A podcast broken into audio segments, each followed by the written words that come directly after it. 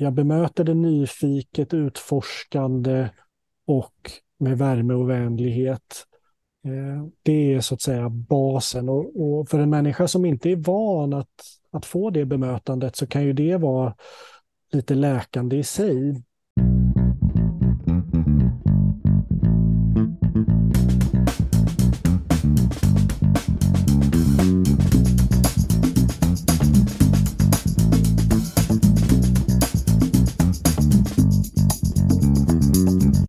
Ja, hej allesammans! Välkomna tillbaka till ett avsnitt av Rehabsnack med mig Peter Lindberg som är fysioterapeut. Och idag har jag äran att gästas av Claes Ytterbrink Nordenskjöld. Välkommen hit Claes! Tack så mycket!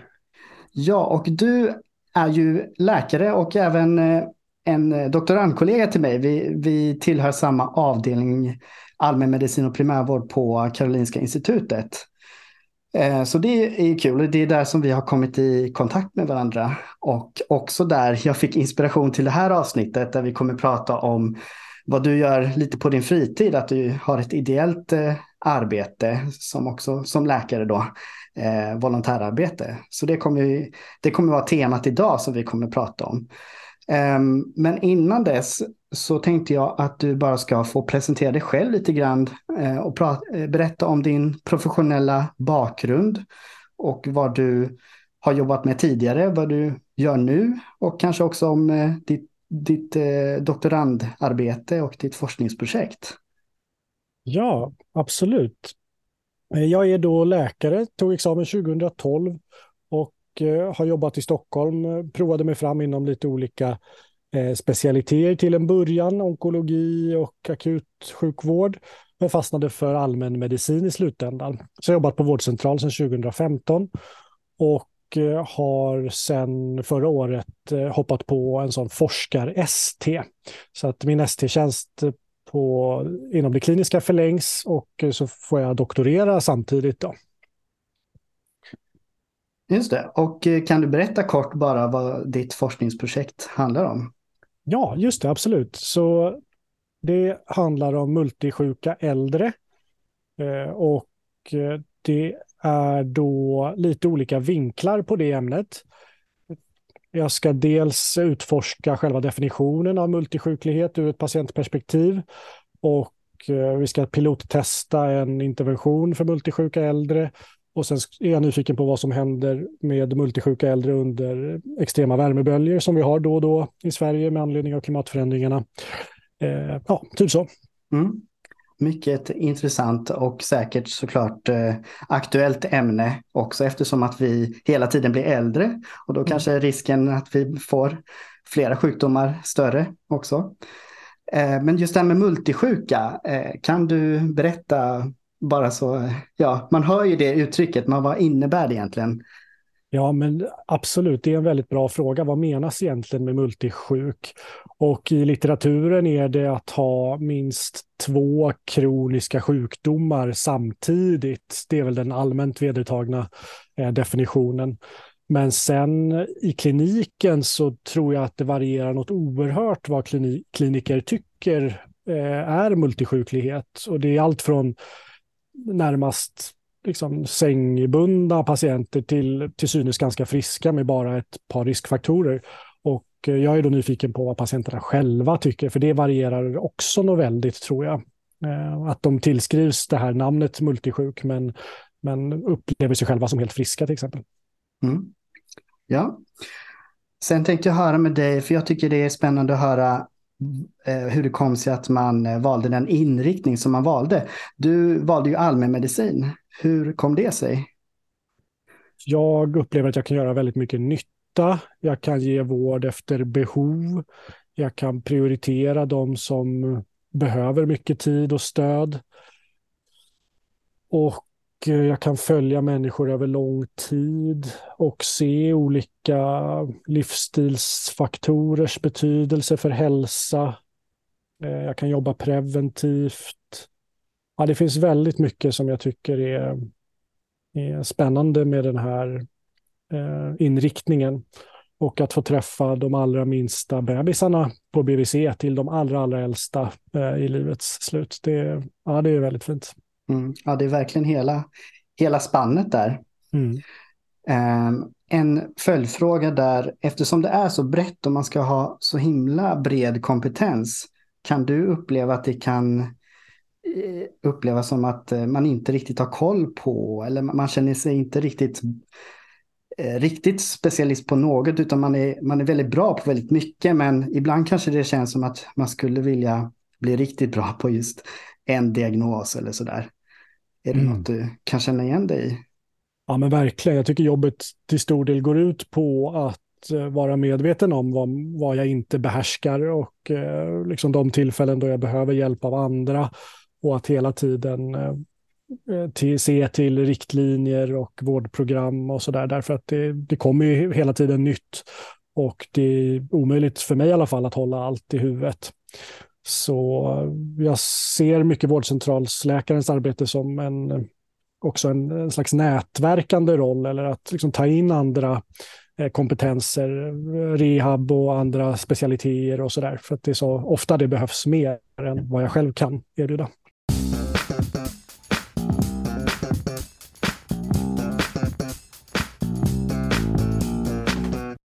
Ja, det här med primärvården är ju ett spännande område och eh, det känns som att mer och mer sjukvård kommer läggas där. Så det skulle man kunna prata ett, i ett helt avsnitt av egentligen.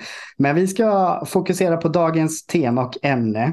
Eh, som sagt, som jag sa tidigare, så vi pratade ju lite med varandra och så dök det upp att du volontärjobbade på ett ställe. Och det tyckte jag lät väldigt spännande. Eh, och det skulle jag vilja höra lite mer om. Jag tror att de som lyssnar skulle också vara intresserade av att höra om det. Det är väldigt viktigt arbete, meningsfullt och, och fint också med volontärarbete av alla dess slag. Eh, skulle du kunna berätta lite om, eh, lite kort bara, om vad det är för typ av organisation och, och vad de jobbar för? Ja, så jag är engagerad i Läkare i världen som är en eh, syskonorganisation till Läkare utan gränser. Det är samma grundare som eh, han grundade först eh, Läkare utan gränser och sen eh, något eller ett par år senare grundade han Läkare i världen då han upplevde att utifrån hur Läkare utan gränser fungerade just då så gick det inte att i tillräckligt hög grad vittna. Han såg orättvisor och lidande och ville inte bara ge vård på plats utan också Eh, förändra de strukturer som låg till grund för de här stora lidandena. Så då startade han Läkare i världen som då både hjälper, vårdar och vittnar om vad som försiggår. Och det som är lite speciellt är att i de länder där vi har kontor, som i Sverige till exempel, då, då har vi så att säga verksamhet här eh, för att tillgodose rätten till vård här. Eh, det är inte bara alltså arbete som är inriktade på flyktingläger eller andra mer stora kris, liksom, akuta krissituationer långt bort, utan det finns ett, ett långsiktigt arbete här hemma som behöver göras också. Mm. Och eh, rent praktiskt då, så du är ju även, du jobbar som läkare även där då. Och eh, ni håller till, var då någonstans? Var ligger mottagningen? Nu ligger den på Serafen som är Stockholms äldsta sjukhus om jag minns rätt. Eh, där har vi varit de senaste åren och från allra första början på 90-talet då, då mottagningen öppnade, då var den hemlig. Eh, för det var, fanns, ja, upplevde man då i alla fall en så stark hotbild mot papperslösa framför allt som man gav vård till på den tiden. Men eh, nu går det ju bara att googla så ser man våra öppettider och var vi ligger och så där. Så det, det har förändrats. Mm. Och hur ser intresset ut eh, för de här mottagningarna? Alltså patient, klientel, underlagsmässigt eh, finns det stor efterfrågan? Ja, vi har svårt att tillgodose eh, behovet av att träffa eh, vårdpersonal. Men det är flera olika grupper vi träffar. Eh, det är både papperslösa som eh, alltså är personer som lever i Sverige utan tillstånd att vara här eller utan eh, pass till exempel. Så det kan vara att de har gömt sig eller fått avslag på sin eh, asylansökan och eh, därefter ja, gått under jorden om man säger så. Och de har genom lagen rätt till vård som eh, inte kan anstå, står det i lagen. Då. Och det är en lite svår formulering för vården att förhålla sig till. Eh, jag tror att många som har hört det här begreppet har svårt att förstå det och att det på något sätt är underförstått att det i alla fall är, det är inte riktigt samma vård som andra i Sverige ska få, utan det är någonting som är, som är sämre. Och det gör att eh, de får problem att söka vård. Eh, jag tror att få till exempel rehabinsatser kan vara ganska svårt. Mer eh, dyra magnetkameraundersökningar och sånt där är svårt. Alltså att vårdgivare gör egna tolkningar av vad de tycker är rimligt att en papperslös ska ha rätt till. Så det är en stor grupp. Sen har vi också det som kallas för EU-migranter eller utsatta EU-medborgare som är framförallt personer från Bulgarien och Rumänien som saknar sjukförsäkring och som i olika utsträckning, det var ju mycket mer för några år sedan, som ber om pengar på gatorna och eh, ja, på andra sätt försöker tjäna ihop en slant. Och eh, de har rätt att vistas i Sverige i tre månader utan eh, jobb och utan sjukförsäkring. Men blir de sjuka under den tiden så förväntas de betala fullt pris för vårdbesök, alltså 1800 kronor för ett läkarbesök på vårdcentralen. Och det är ju en väldigt hög summa för en person som skramlar ihop några, eh, ja, några kronor om dagen. Så de hjälper vi och sen har vi de som kallas för tredje landsmedborgare som är ofta från utanför EU men har ett uppehållstillstånd eller ett arbetstillstånd någonstans, till exempel i södra Europa och sen har de flyttat till Sverige för att eh, ja, få något jobb här, kanske ett svartjobb eller så. Och de har väldigt sällan sjukförsäkring och omfattas inte av trygghetssystemet heller. Mm, Okej, okay. så du nämnde Rumänien, Bulgarien. Vilka andra länder är vanliga att eh, klientelet kommer ifrån, bara så att vi får en bild av populationen. Ja, men absolut, och det är väldigt varierat. Det är ju alla världsdelar eh, där det finns i alla fall ett migrationstryck ifrån, om man säger så. Så eh, en hel del från Afrika och eh, östra Asien, Mongoliet och eh, de här centralasiatiska staterna. Och sen Latinamerika och eh, Mellanöstern också. Så det är, ja, det är en, en ganska stor variation. Mm. Men mycket icke-västerländska länder då, om man skulle kategorisera? Ja, det kan man ju absolut säga. Det är då EU-länderna som man kan säga är ja, västländer, men i alla fall det är kanske östra Europa snarare då. Mm.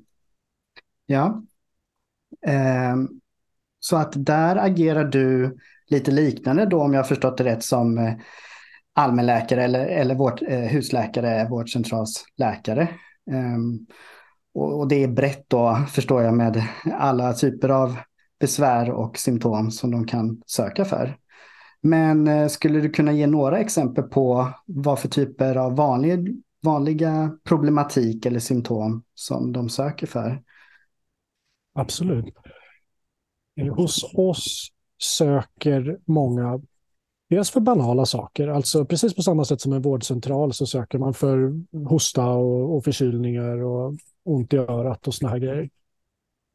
Eh, det ser lite annorlunda ut därför att många har en väldigt låg utbildningsnivå. Alltså jag upplever att, att det är svårare att tolka symptom eh, och sånt som vi skulle ha lätt att kanske fråga 1177 om eller fråga en granne om eh, kan man söka för hos oss. Så det finns en, en uppsjö av banala åkommor och sen ser vi också liksom, mycket allvarligare saker än man ser på en vanlig vårdcentral. Tillstånd som har stått väldigt länge. Eh, operationer från andra länder som har misslyckats.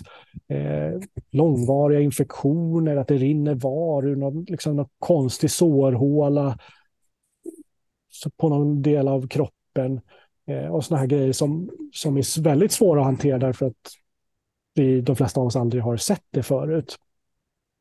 Så det är ofta svårbedömt. Och sen upplever jag också att människor tillskriver sina besvär andra förklaringsmodeller eh, än vad vi är vana vid. Till exempel om vi tar eh, våra rumänska patienter som väldigt, väldigt ofta har smärta i ryggen till exempel. Eh, som från ett sjukvårdsperspektiv till en början i alla fall ganska lätt att förstå hur det kan uppkomma. De arbetar ju ofta liksom i sittande hela dagarna med att försöka få ihop pengar och eh, har väldigt obekväm livssituation i övrigt. Men då tillskriver de det problem i inre organ i väldigt stor utsträckning eller använder sådana sätt att förklara sina symptom. Så det finns ofta en stor pedagogisk utmaning i att eh, att försöka förklara och få med sig patienten på hur, hur jag eller vi ser på de här besvären. Mm. Det där kan jag ju verkligen känna igen mig i. Jag har ju jobbat i, i Flemingsberg och tidigare i Skärholmen i, inom primärvården. Och, och, i båda de områdena så är det ju stor andel eh, med utländsk bakgrund och som, är, som kanske inte har svenska som sitt första mål. Då, så att språket har ju varit ett, en eh, viss barriär som har eh, resulterat i olika typer av utmaningar. Men en, en av de största är just det där som du nämner med eh, förklaringsmodeller och hur man kan hjälpa patienter att förstå problematiken. Eh, och som du säger att man kanske har lite olika, man använder sig av olika förklaringsmodeller i olika kulturer. Och sen eh, har vi det att eh, eh, dina patienter, eller de här patienterna talar ju inte svenska, eh, de flesta, eller de, nästan alla kanske, eh, utan ni använder er av tolk då. Det utgör ju ytterligare ett, en svårighet eh, eftersom att eh, en del svenska ord finns ju kanske inte på andra språk och vice versa. Så hur blir det då med, med olika typer av förklaringar? Där vi också använder oss mycket av metaforer och liknelser för att förstå ett komplext fenomen så måste man ta till det för att, för att, för, för att förstå. Men hur översätter man en metafor på svenska till ett annat språk? Um, hur ser du på det? Känner du igen dig i, i de här svårigheterna, utmaningarna? Ja, men verkligen. Där eh, upplever jag att genom att träffa eh, ett antal personer som har en liknande bakgrund så får, har jag upplevt att jag efter ett tag får en slags känsla för ungefär vad det är de försöker säga eller hur det passar in i, i det sätt som jag är van att beskriva eh, smärta och, och, och ja, andra bekymmer. Men eh, och då, ofta är det ju underlättare om man kanske känner tolken och liksom har haft lite möjlighet att stämma av prata lite om andra saker innan och veta ungefär hur den, vad, liksom vad den har för bakgrund och hur den, vad den använder för ord och sådär. För det är, det är en jätteutmaning att inte bara känna sig uppgiven inför den här symptombeskrivningen som inte passar alls in i, i det vanliga sättet att prata om sjukdom. Mm. För jag tänker en del hjälpmedel som vi kan använda oss av för att ställa diagnoser och screena och få en bättre bild av problematiken är ju eh, formulär och, skattningsformulär. Men det går ju kanske inte ens att använda med det här patientklientelet, eller? Nej, det, det, det, kan ju vara så att, att personerna inte ens kan läsa och skriva. Det är ju inte helt ovanligt. Eh, samtidigt som vi har ju också universitetsutbildade patienter som bara haft liksom en oturlig juridisk resa och av, av olika skäl inte fått eh, möjlighet att stanna och kanske ja, gömt sig eller har något svartjobb nu eller sådär. Så det, det gäller att hitta patientens nivå också eh, och stämma av alla de där grejerna innan, innan man ger sig in i, i förklaringarna. Mm. Eh, är det någon förresten som talar svenska? Eller, jag antar att det, det är ingen av, av de patienterna du träffar där som kan svenska? Eller? Jo, men det, det händer. Alltså, människor lever ju ibland i Sverige eh, tiotals år utan eh, rätt att vara här. Eh, och då lär de sig ju svenska och kan ha familj och sådär. Eh, okay. Så det, det förekommer. Mm. Men annars så antar jag att engelska, det är lite fler som kan eh, prata kanske. Ja, det är det ju verkligen. Det är ju många länder ändå där, där människor har plockat upp en del engelska, men ibland är det tvärstopp och det är bara eh, något lite mer ovanligt språk, kanske mongoliska eller, eh, eller sådär som, som funkar. Mm. Och då gäller det att hitta en tolk, annars blir det ju helt omöjligt att jobba. Mm. Skulle du kunna göra någon typ av uppskattning över hur stor andel i procent eh, som du använder tolk på i, i dina besök? Ja, minst hälften i alla fall. Eh, jag är ju då hyfsad i spanska, så att eh, är det en spansktalande patient så, så kan jag klara det ganska hyfsat. Men minst hälften är, är tolk. Mm. Mm. Ehm, för att gå tillbaka lite till det här med förklaringsmodeller och sådär. När det gäller rent fysiska besvär och symptombesvär som man kan eh, visa, peka på eller testa, mäta, kanske är lite lättare att eh, prata om och samtala om med patienter. Medan eh, besvärsbilder som är mer komplexa Eh, och där det inte finns något speciellt test man kan, som man kan göra och visa att det är ja eller nej. Det är ju svårare eh, då. Och det måste vara ännu svårare när man också har den här språksvårigheten och kulturella skillnader. Eh, eller vad tänker du kring, kring det? Jo men verkligen. Jag, ganska ofta tänker jag ju att det är den samlade livssituationen som någonstans eh, är bidragande till den långvariga smärtan till exempel. Att alla de lager av utsatthet, eh, att vara utsatt för diskriminering, att inte veta om man ska kunna stanna i Sverige, att vara rädd för att bli gripen av polis på tunnelbanan, att inte kunna gå till doktorn om man blir sjuk. Liksom att allt det där eh, gör symptom mycket värre. Och att mötas i en sån modell kring vad som orsakar eh, symptom, det är ju såklart Ja, det är såklart utmanande och ibland är det lite oklart hur mycket personen köper av det resonemanget och mm. sådär. Ja, eh, för jag kan känna och jag vet att andra kliniker också kan känna så gällande patienter med komplexa eh, problematik att det kan kännas överväldigande och svårt att veta var ska man börja någonstans eftersom det är så mycket att ta i. Hur tänker du kring det? Var börjar du någonstans? Ja, jag börjar i att hitta mitt eget lugn inför, inför det här stora eh, komplexa besväret och utgår från att jag, jag bemöter det nyfiket, utforskande och med värme och vänlighet. Eh, det är så att säga basen och, och, för en människa som inte är van att, att få det bemötandet så kan ju det vara lite läkande i sig. Och sen eh, är det ju att försöka lägga pusslet som för vilken patient som helst eh, och använda de medel som står till buds. Och ibland kanske det blandar i att utesluta allvarliga åkommor och personen kan vara någorlunda nöjd med det.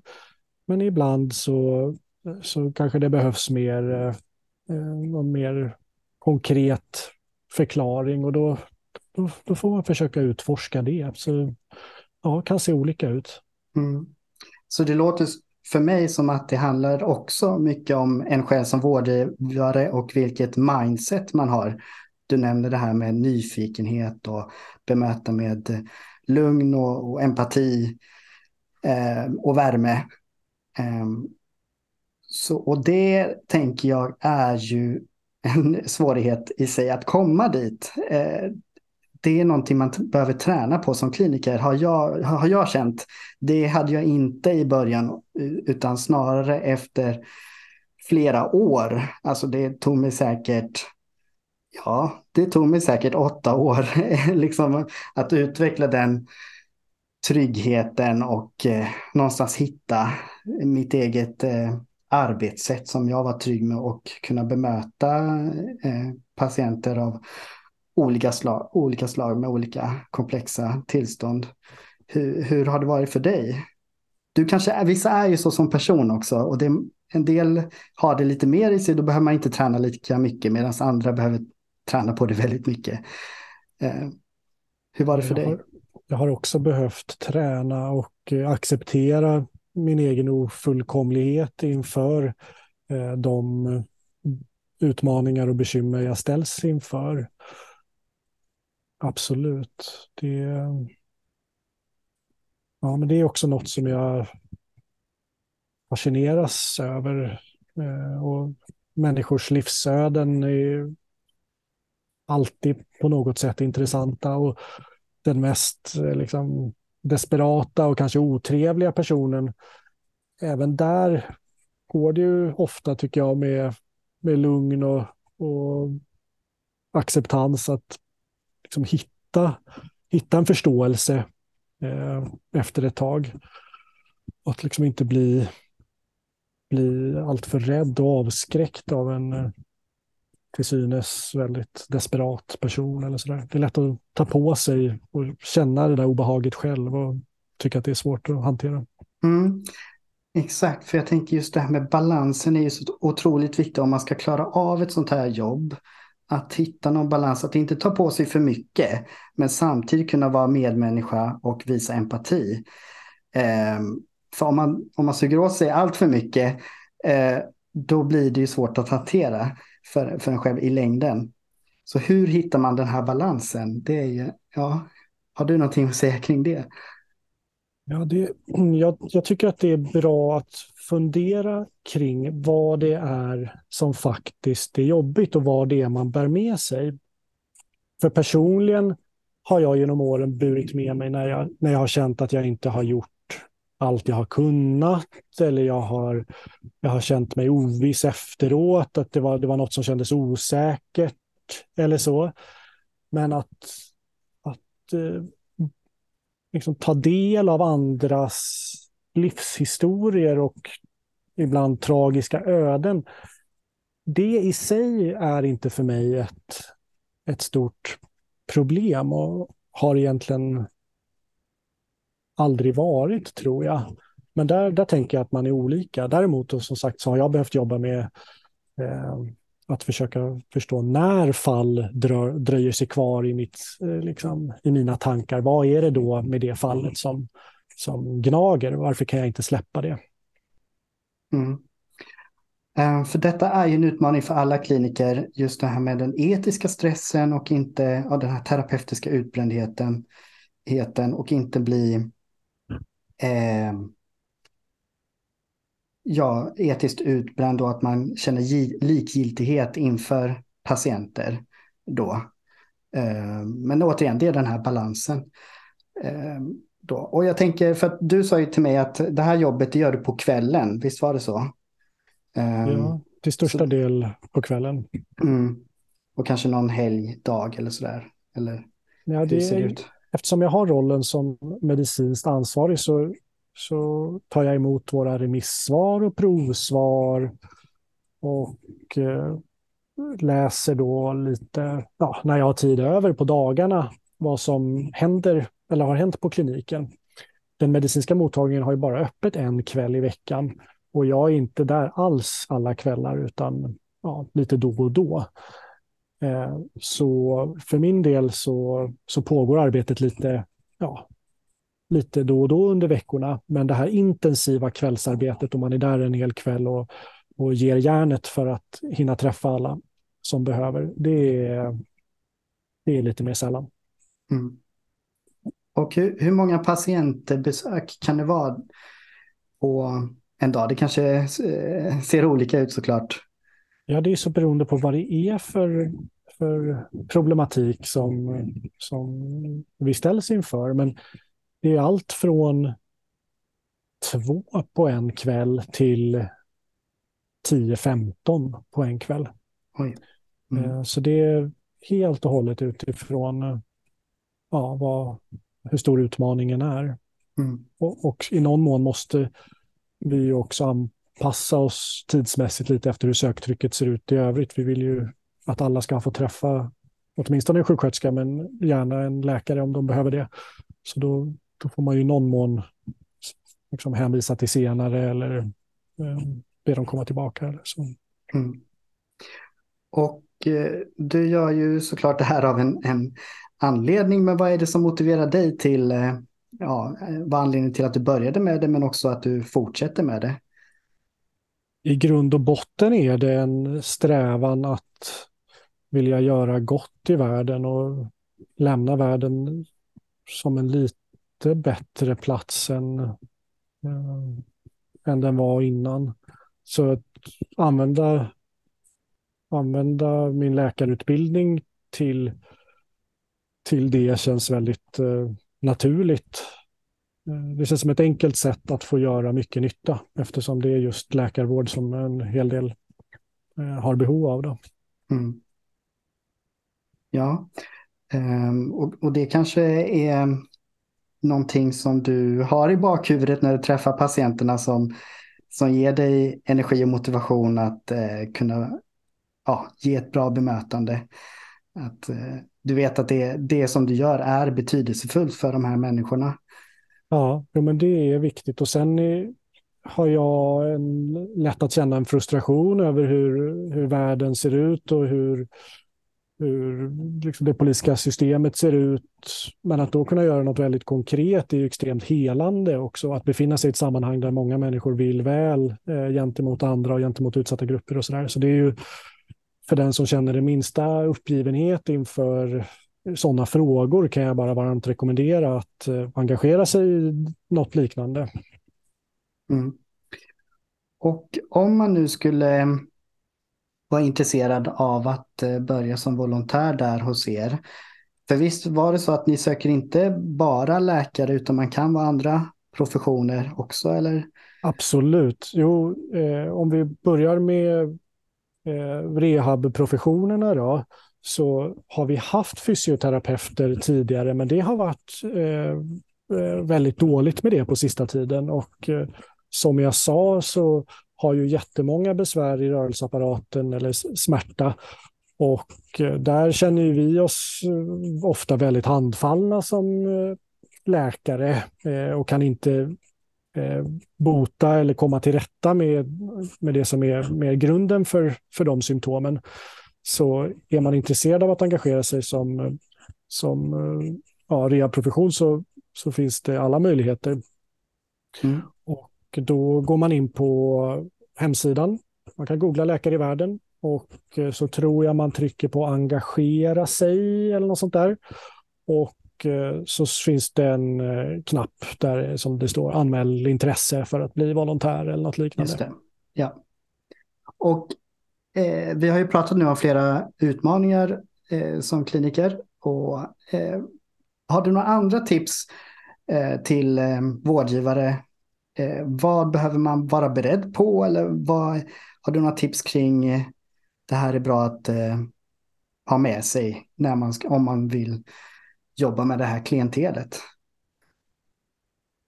Mm, egentligen är det ju inte annorlunda mot något annat jobb. Eh, det är väl bra att vara liksom inställd på att vara öppen och, och, att människor kan vara på många olika sätt från olika delar av världen och, och lite sådär. Så fokusera på, på det. Men i övrigt så skulle jag säga försök göra så likt som möjligt som, som du gör annars.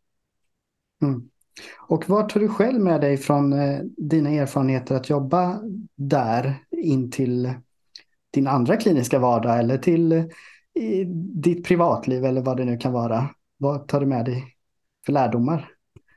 Ja, jag tar ju med mig de här människornas berättelser om eh, eh, utsatthet och diskriminering och hur det är att leva i Sverige, hur olika det kan vara beroende på eh, ja, närvaro av pass eller tillstånd och sådär. Och vad, vad hårt livet kan vara och vad privilegierad jag är på många sätt själv och, och sådär. Det är ju omöjligt att inte få lite perspektiv på, på sådana såna frågor. Mm. Ja, verkligen.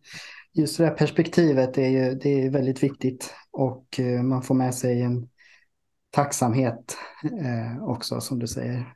Ehm, mm. Okej, okay.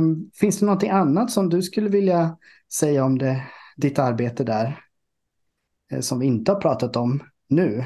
Så det finns ju såklart alltid mycket mer man kan prata om, men vi har fått kanske en liten bild av, av hur det är. Ja, men jag hoppas att ni har fått en, eh, en bild av hur det kan vara att vara volontär hos oss.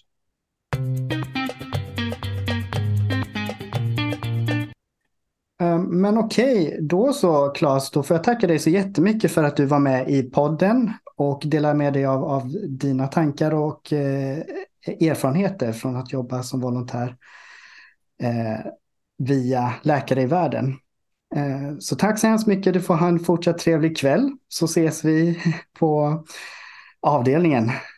Det gör vi absolut. Tack så mycket för att jag fick vara med och prata om det här viktiga ämnet. Ja, tack så mycket. Hej då.